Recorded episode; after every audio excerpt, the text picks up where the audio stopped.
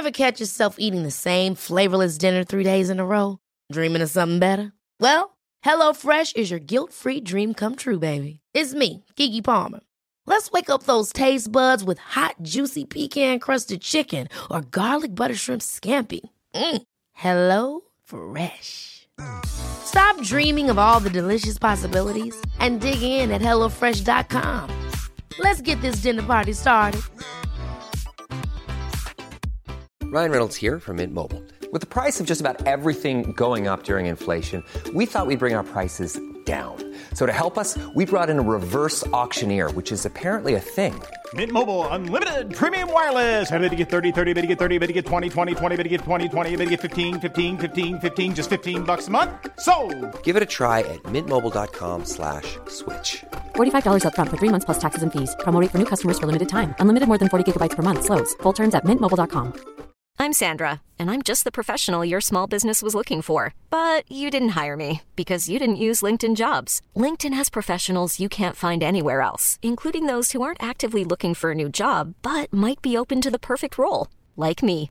In a given month, over 70% of LinkedIn users don't visit other leading job sites. So if you're not looking on LinkedIn, you'll miss out on great candidates like Sandra.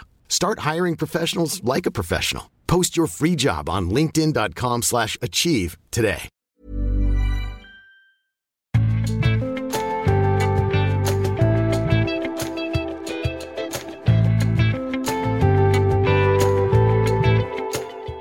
Hva gjør det med de kristne å være i mindretall? Det lurer vi på i denne ukens episode av Tore og Tarjei, som fremdeles er en podkast fra dagen.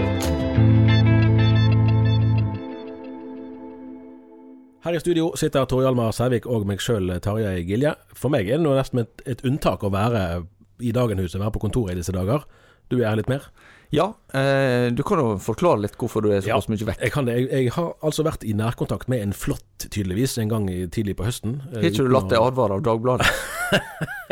det kan du spørre om. Jeg burde, kanskje ikke hver dag dagen ansatt, jeg mener at man burde lese mer i Dagbladet, men kanskje her burde jeg gjort det.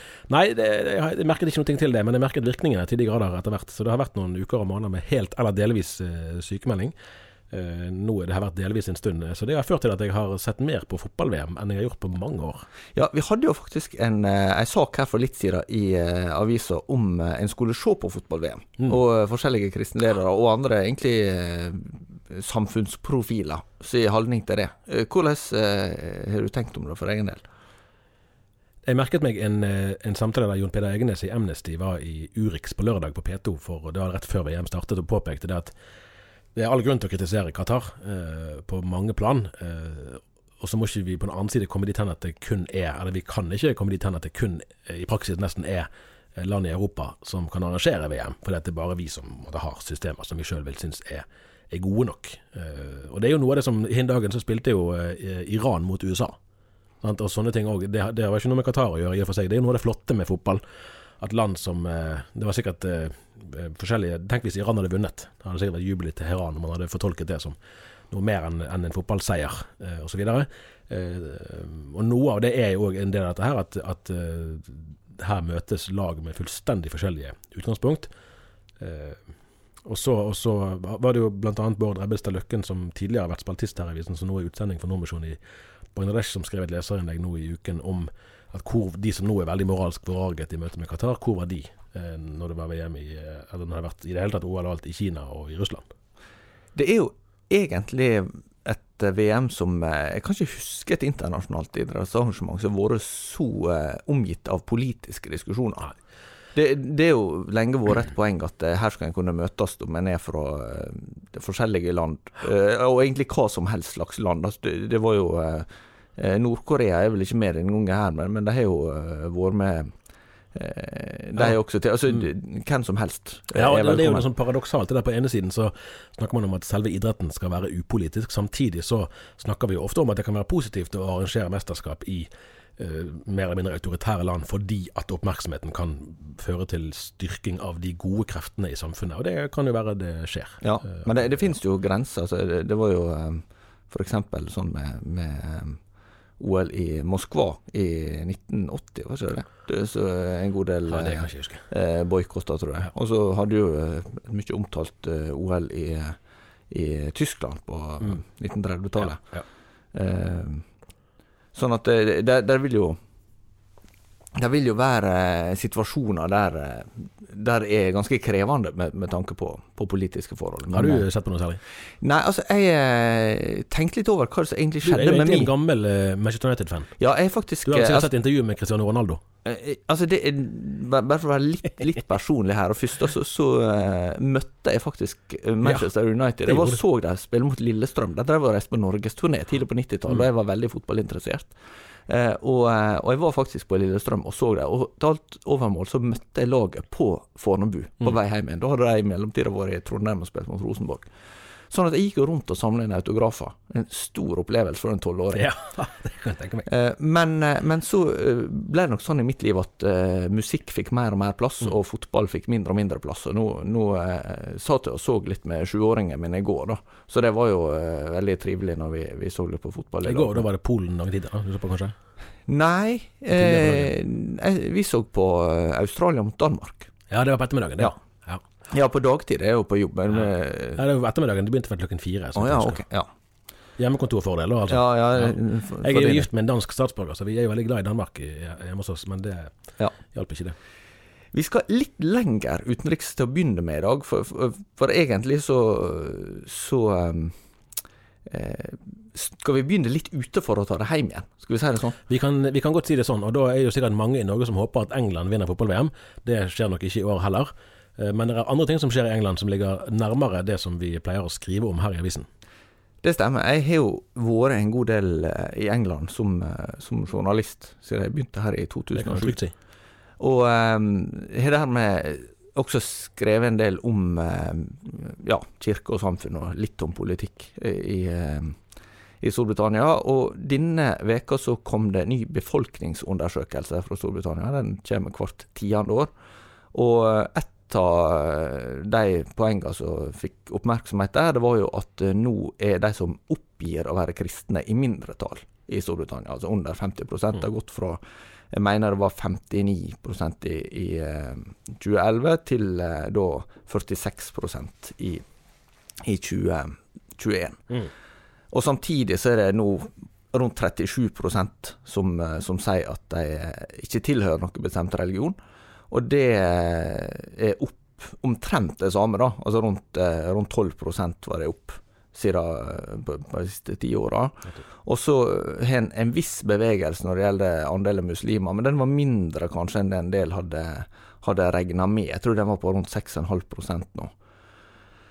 Eh, og, eh, og det var vel mot 5, nå har jeg ikke tallet her rett framfor meg, men det var en sånn eh, oppgang på var rundt et prosentpoeng. Mm. Eh, det, kan vi, det kan vi finne ut av, men, men det er i hvert fall en, en, en viss eh, oppgang. da, men, men det var en del som hadde tenkt at det kom til å, å bli flere som regner seg som muslimer. Nå er det jo viktig å ha som forutsetninger at dette er eh, vel det minst forpliktende eh, den minst forpliktende tilslutninga til en religion du kan ha. Ja. Eh, I den forstand at det, du får ikke spørsmål om du er medlem noen plass, du får ikke spørsmål om du tror på noe bestemt, eller om du praktiserer noe bestemt. Du, får bare spørsmål om du identifiserer deg og, og, Ja. som det og det. Ja, for det er jo en vanskelig ting å måle det der. Sant? Når vi var barn, så var jo på en måte Du kunne spørre folk om de så på seg selv som personlig kristne, og hvis de svarte ja på det, da kunne du vel med en rimelig trygghet tenke at da er dette folk som er kirkeaktive, eller som har et, et visst forhold til en kristen sammenheng. Nå er vel det begrepet har av nesten ute av bruk, og hvis det er i bruk, så er det en mye mer allmenn forstand enn enn, eh, det var før. Eh, Og du kan også si at medlemstallet i Norske kirke er vel på sånn numerisk nesten likt nå som det var eh, i, omtrent når du og meg ble født, men det sier jo noe om at prosentandelen da er vesentlig lavere fordi befolkningen har økt. Ja. Men det er jo medlemskapet. Så er det jo spørsmålet om trostilhørighet. Og der er det vel òg klart mindretall i Norge som vil kalle seg kristne. Ja, og her virker du inn når du setter befolkninga i Norge òg, så handler det veldig stor grad om innvandring. Mm. og de største innvandringsgruppene er jo europeere, eh, eh, både i, på. Ja. eh, i norsk sammenheng er jo polakkene som er den største, største gruppa. Eh, I Storbritannia så har de jo hatt en mye tidligere innvandringsbølge eh, som kom selv fra koloniene. De hadde jo fra seint på 40-tallet til eh, tidlig på 60-tallet, så kunne i praksis folk fra koloniene bare flyttes til Storbritannia hvis de ønska det. Så det er jo ganske store befolkningsgrupper som er fra, fra eh, Pakistan, Bangladesh eh, og, eh, og flere, en rekke afrikanske land. Og, forskjellig. og hvis jeg har vært i Øst-London litt, f.eks., så, så er det jo eh, områder som, som er veldig prega av at det er mange fra, fra koloniene som har, har flytta dit. Men, men eh, dette handler jo også om at eh, Storbritannia ligger lenger eh, framme, iallfall på noen måter, da, i eh, sekulariseringa enn det Norge er. Formelt så er det fortsatt statskirke i Storbritannia. Ja, for det er en sånn paradoksal altså, har, Jeg tror jeg har nevnt det her før, kanskje. At I Danmark òg så er det helt utenkelig å skille stat og kirke. Mens i Norge er det, det er nesten sånn litt sånn paradoksalt, kanskje, at der eh, vekkelseskristendom har stått sterkt, så er det nesten sånn at sekulariseringen på en måte går fortere. For folk, er, det som er mer liksom, eh, følelsesmessig tilknytning, at den er lettere å kutte. da. Den institusjonelle tilknytningen til en statskirke, den kan på en måte leve lenger, selv om man ikke f.eks. oppsøker kirken veldig aktivt. Og du kan lure òg på eh, f.eks. denne saken som har vært i høst med dette skolelaget i Sogndal, at liksom behovet for å, for å bygge opp tydeligere skiller da, mellom såkalt organisert religion og da offentlige arenaer, at det nesten blir enda større når man har hatt en religion som, hvis vi ser det negativt, har vært mer påtrengende. Det kan, eh, det kan være. Eh, samtidig er det jo sånn at du ser eh, i, i Storbritannia at det er de etablerte, tradisjonelle kirkesamfunnene som er kanskje kjent for å være litt mer sånn lavintensive. Mm. Det, det er de som går mest tilbake. Ja, og det er Eh, motsatt retning. Kanskje. og hvis du ser på altså Church of England, den katolske kirke, og metodistene, som, som er jo Alle er jo varierte størrelser, naturligvis, men, men det er jo velkjente størrelser. Det, det som, de som har mer vekst, det er jo særlig migrantmenigheter. da. Mm. Eh, og det finnes det jo ganske mye av eh, i, i Ikke minst i Storbritannia. Både eh, fra afrikansk sammenheng, naturligvis. Eh, Nigeria er et veldig stort kristent land, men også en god del fra Hongkong, f.eks., som, er- som er kommet til, eh, til Storbritannia i relativt store tall de siste åra. Jeg var sammen med noen kolleger eh, altså fra andre mediehus tidligere i høst og skulle prøve å forklare noe av det som, var, som jeg syns er spennende da, med å, å jobbe her. Eh, og da prøvde jeg Det lyktes ikke helt i å få frem det jeg mente først. da. Jeg Nå får du nytt forsøk. Og det var at, at uh, både vi og, og abonnentene til denne avisen lever i en slags sånn dobbelthet der man uh, er både majoritet og minoritet samtidig. Uh, og Det tror jeg egentlig mange kristne kan kjenne seg igjen i, at man rent sånn kulturelt og, og juridisk òg. Så er jo den kristne tro har jo fremdeles et forrang i, i Grunnloven, og massevis av, av offentlige ordninger rundt oss som, som viser den tilknytningen. Men i det daglige livet så vil nok opplevelsen mye mer være en, å, å utgjøre en kulturell minoritet. Eh, og den, det er jo litt den spenningen som blir synliggjort òg i undersøkelsen fra, fra England med forskjellige avskygninger, og tilsvarende lignende undersøkelser i Norge.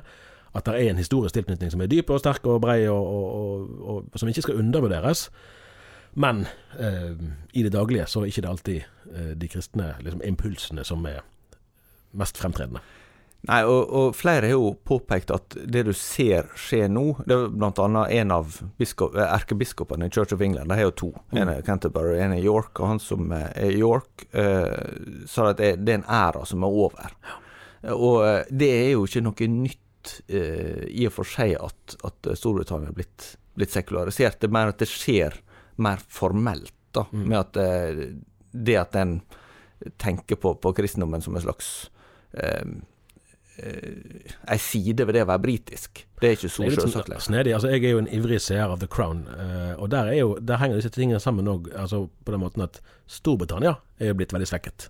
Og det, og det, det henger jo altså hva som er hva, eh, høne og egg osv. Men at, eh, at Storbritannia sin politiske innflytelse eh, har blitt svekket kanskje først, da, og så Ja. kommer dette her i Der hadde jo et imperium der sola aldri gikk ned. Ja, Så, så det var jo egentlig helt uh, utrolig til en uh, til makt Men blir da, blir da på en måte sant? For når man, når man er majoritet, så har man privilegier, og man trenger på en måte ikke å kjempe for det man står for eller tror på, for det har en, en legitimitet. I hvert fall kan man tenke sånn. Eh, men når man blir minoritet, så, så må man eh, enten da offensivt eh, prøve å overbevise andre, eller i hvert fall å drive indre kulturbygging, sånn at man holder stand. Eh, hva, hva er det vi ser du ser vel flere ting samtidig, tror jeg. Eh, og det har vi snakka litt om her, at eh, vi kan gjenkjenne også i norsk debatt. For somme vil si at eh, eh, nå er det så viktig å holde på det vi har hatt i Norge, for det har vært så, så viktig. Det, det, ene er jo den personlige trosdimensjonen, at den, at den eh, kristne tro gir eh, gir eh, mening for liv og håp for evigheten, og, og, alt det som, som, det handler om å, å ha ei kristen tro. Men det handler også om, om trua på kristendommen som ei god samfunnsbyggende mm. kraft, som, som har vært viktig i Norge. Og nå er vi jo på vei inn i et, eh, eller er inne i et tiår der det blir, blir markert ganske mm. omfattende da, fram mot slaget på, på Stiklestad i, eh, i 1030. Men kanskje like viktig med, i 1024 med markering av kristenretten som er 1000 år. Vi hadde et, nettopp et eh, ganske omfattende, veldig interessant intervju med jusprofessor Jørn Øyrhagen Sunde, mm. som, som snakka om hva kristendommen har betydd når det gjelder eh, f.eks. menneskeverd og når det gjelder å utvikle velferd, eh, velferdsordninger.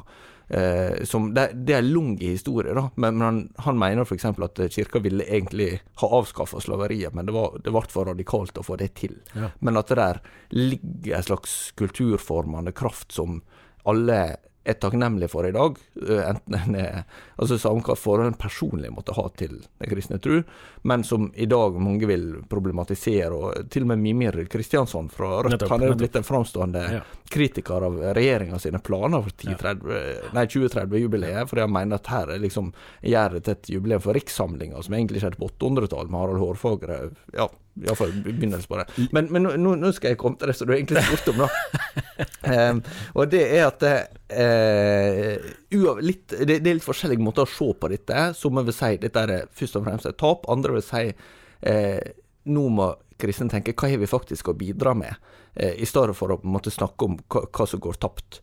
Uh, og ei stemme i Storbritannia som tar opp dette, det er en som heter Peter Linus, som leder Evangelical Alliance. Ja. Uh, og han uh, har en, en kommentarartikkel ja. i, uh, for Premier Christian Media, som er en slags Ja, det er en kristen, et kristen mediehus ja. i London. Ja. og han spør tenker du at resultatene i befolkningsundersøkelsen er dårlige nyheter for kristne. Tenk på nytt. Og da mener han at dette her er en slags realitetsorientering, mm. der kristne fortsatt hvis det er sant det som kristne tror på, så er jo det like sant uavhengig av hvor mange som mm. liksom eh, oppgir at de er kristne. Men en blir kanskje nødt til å tenke dette er et ukjent budskap nå. Eh, og, og, den kristne trua, den, den, må vi rett og slett eh, både eh, nære oss sjøl med, men også leve ut og dele med andre.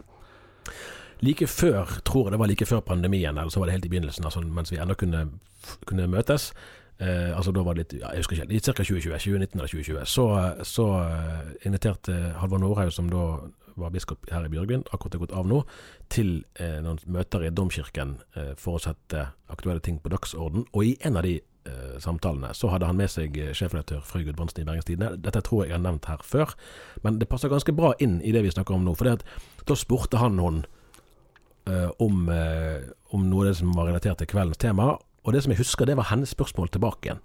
Og det var For han spurte henne ja, hvis Gud er og så videre, og så videre. Og så sier hun hva mener du med Gud? Og det kan jo virke som et sånn banalt nesten spørsmål. Eh, men det er jo egentlig eh, svært aktuelt, og på mange måter ganske utfordrende rett inn i dette. Fordi at i hele landskapet med personlig kristen og kulturkristen og hva det måtte være, så er jo det spørsmålet når du snakker om Gud, hva, hva er det du legger i det? Hvem er, det, hvem er Gud, egentlig? Eh, for det vil jo nødvendigvis være Svaret på det spørsmålet vil jo være eh, styrende for veldig mye av det vi ellers snakker om. F.eks. Eh, hva er et kristent menneskesyn? Hvor utleder man det ifra? I hvilken grad kan man bruke Bibelen for å argumentere etisk for noe som helst?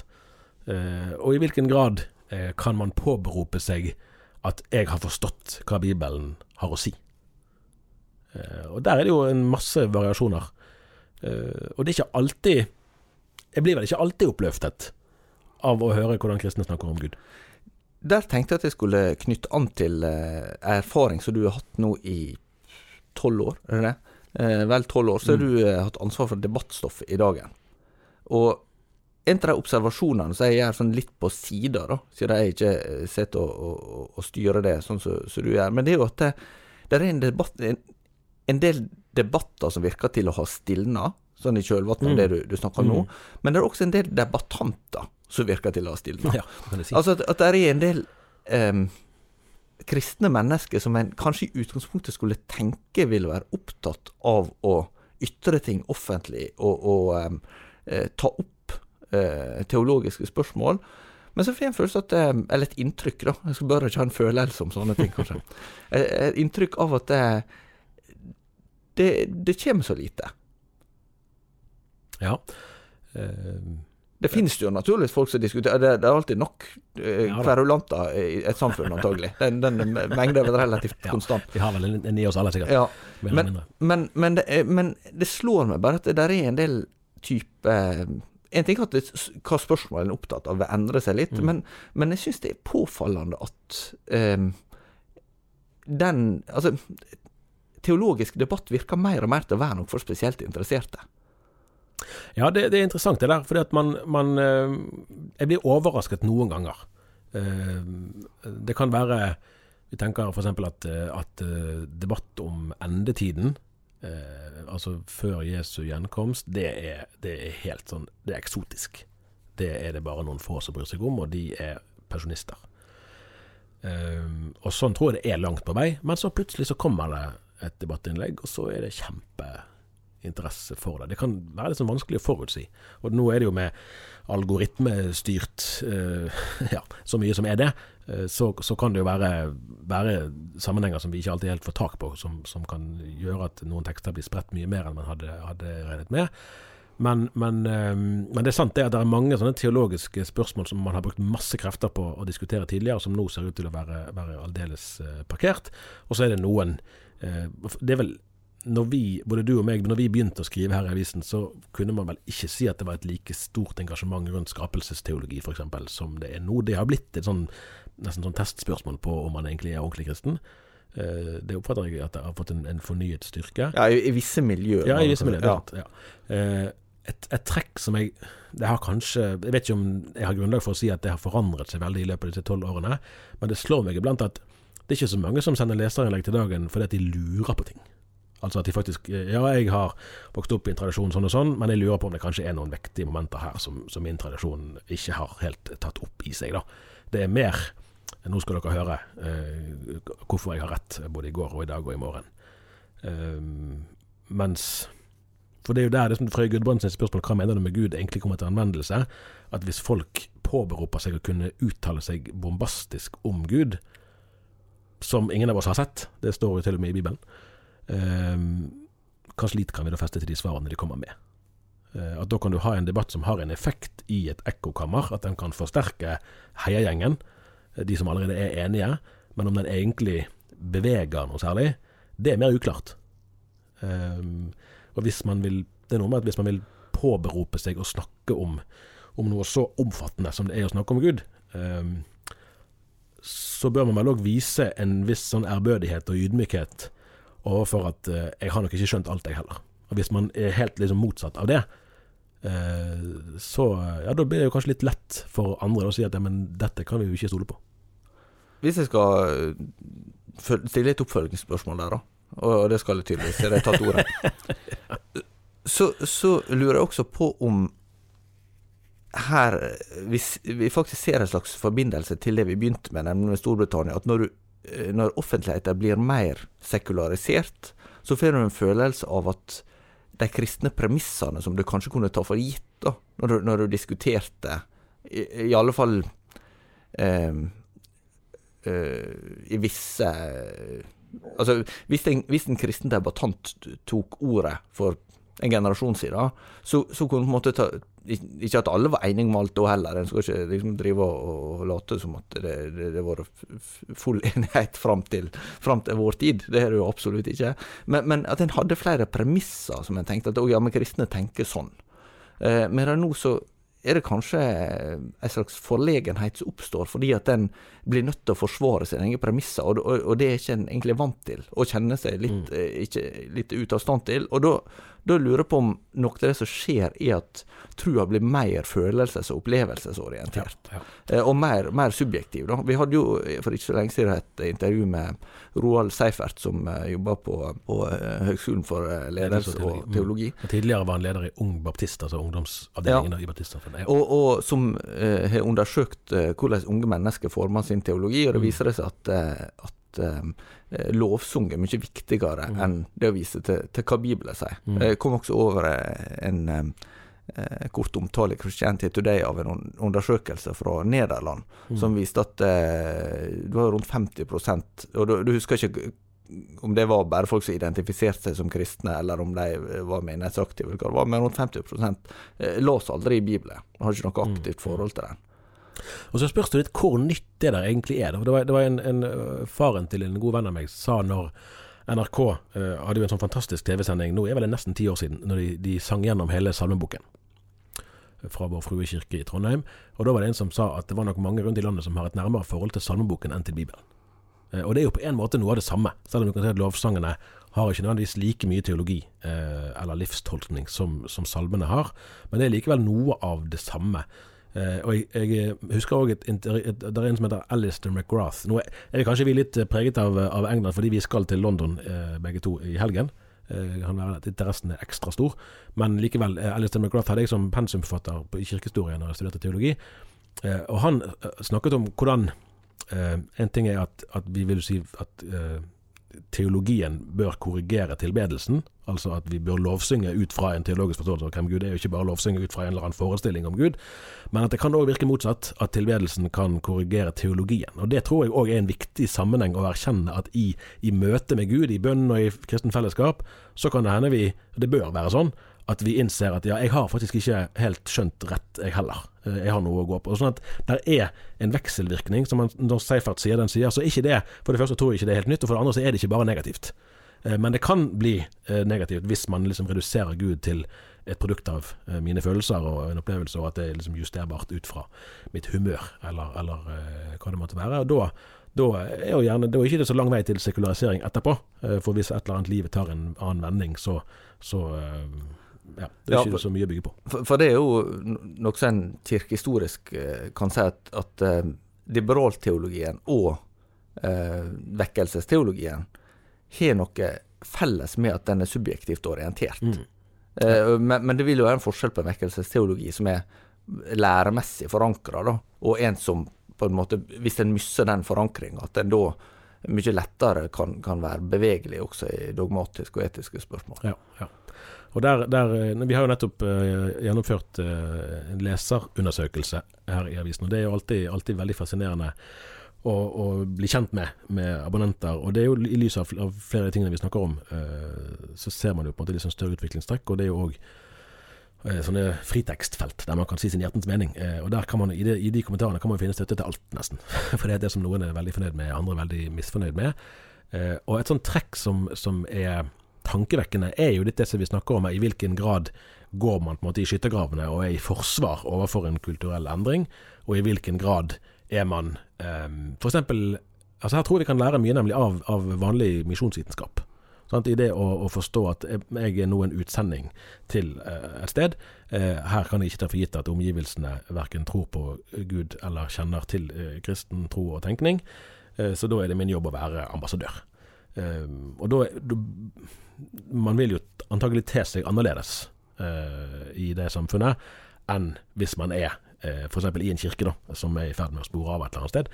Eh, fordi man har ikke en forventning om at omgivelsene skal ha de samme premissene som du sa i sted, som man sjøl har. Og, og da, da, er det en sånn kunst å, å forstå det at Norge, Vesten, England eh, ligner nå mer og mer på en, det som man tidligere ville kalle for en misjonsmark. Nå er vel ikke det begrepet like mye brukt eh, lenger.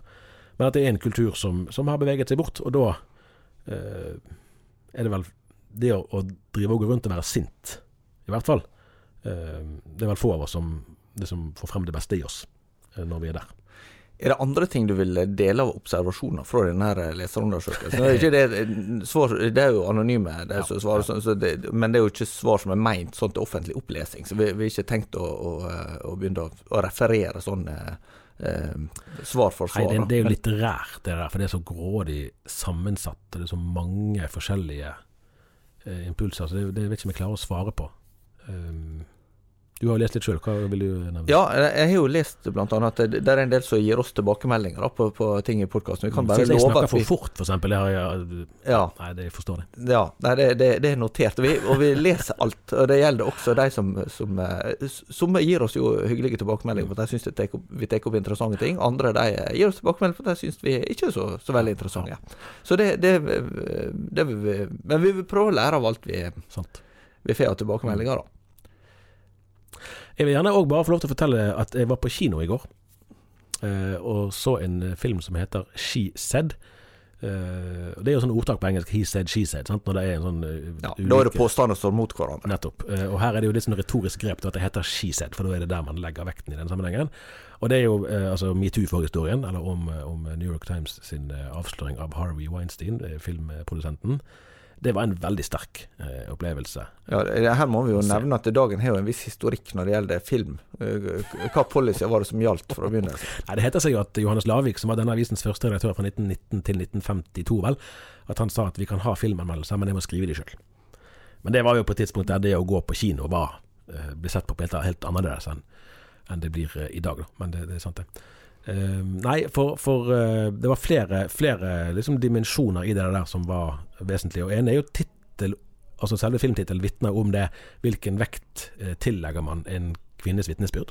Og dette vet vi jo fra, fra Bibelens tid, at et kvinnes vitnesbyrd hadde faktisk mindre, mindre vekt enn en manns. Eh, og så kan vi- bare skyte et oppbyggelig poeng der. og Det, det er jo eh, det, det første oppstandelsesvitnet i evangeliet er jo kvinner. Ja. Så det sier jo noe om, om at eh, kvinnene var ganske viktige, og, og en eh, på en måte Det fikk jo desto større eh, vekt at det ble eh, at det ble skrevet der til kvinnen som sa det Ja, det er sant. Det er sant. Ja. Og så kan man jo si at i, i eh, 2000 år senere så skulle man jo kanskje håpe at de hadde kommet lenger.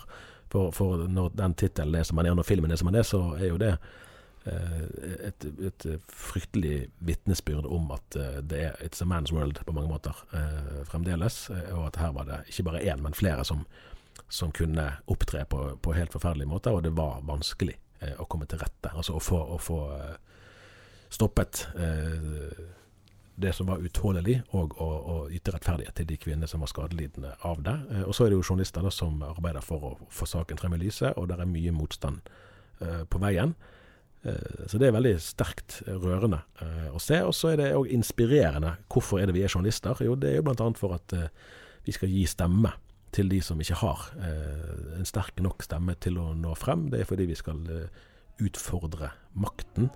Eh, Og dette har jo òg overføring til kristne miljøer. En ting er det helt konkrete at det har absolutt vært historier med seksuelle overgrep eh, i disse miljøene òg, og der man har endt opp med å beskytte overgriperen fremfor eh, ofrene. Eh, og så er det jo òg en videre eh, forståelsesramme der, der overgrep no, Noen ganger er det seksuelle overgrep, andre ganger kan det være overgrep helt andre typer, altså maktmisbruk av andre slag. Det kan være manipulasjon, f.eks. Eh, og så er det samme spørsmålet aktuelle hvem er det vi beskytter. Eh, så det var en sånn sterk og tankevekkende film å ta med seg. Vel verdt eh, å se.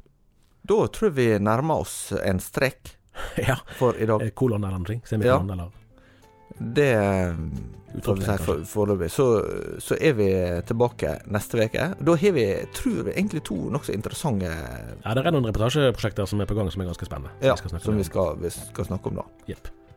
Takk for nå. Ha det bra.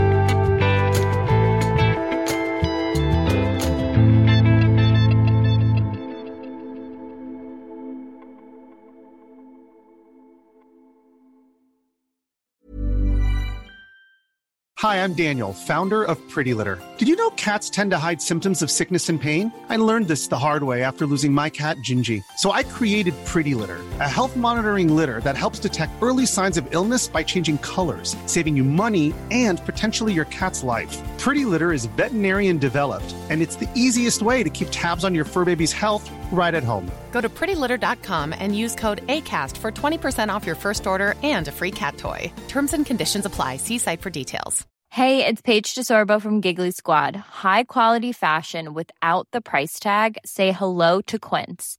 I'm snagging high-end essentials like cozy cashmere sweaters, sleek leather jackets, fine jewelry, and so much more. With Quince being 50 to 80% less than similar brands. And they partner with factories that prioritize safe, ethical, and responsible manufacturing. I love that. Luxury quality within reach. Go to quince.com slash style to get free shipping and 365 day returns on your next order. Quince.com slash style. Hold up. What was that? Boring. No flavor. That was as bad as those leftovers you ate all week. Kiki Palmer here, and it's time to say hello to something fresh and guilt-free. Hello Fresh. Jazz up dinner with pecan-crusted chicken or garlic butter shrimp scampi. Now that's music to my mouth. Hello Fresh. Let's get this dinner party started. Discover all the delicious possibilities at hellofresh.com.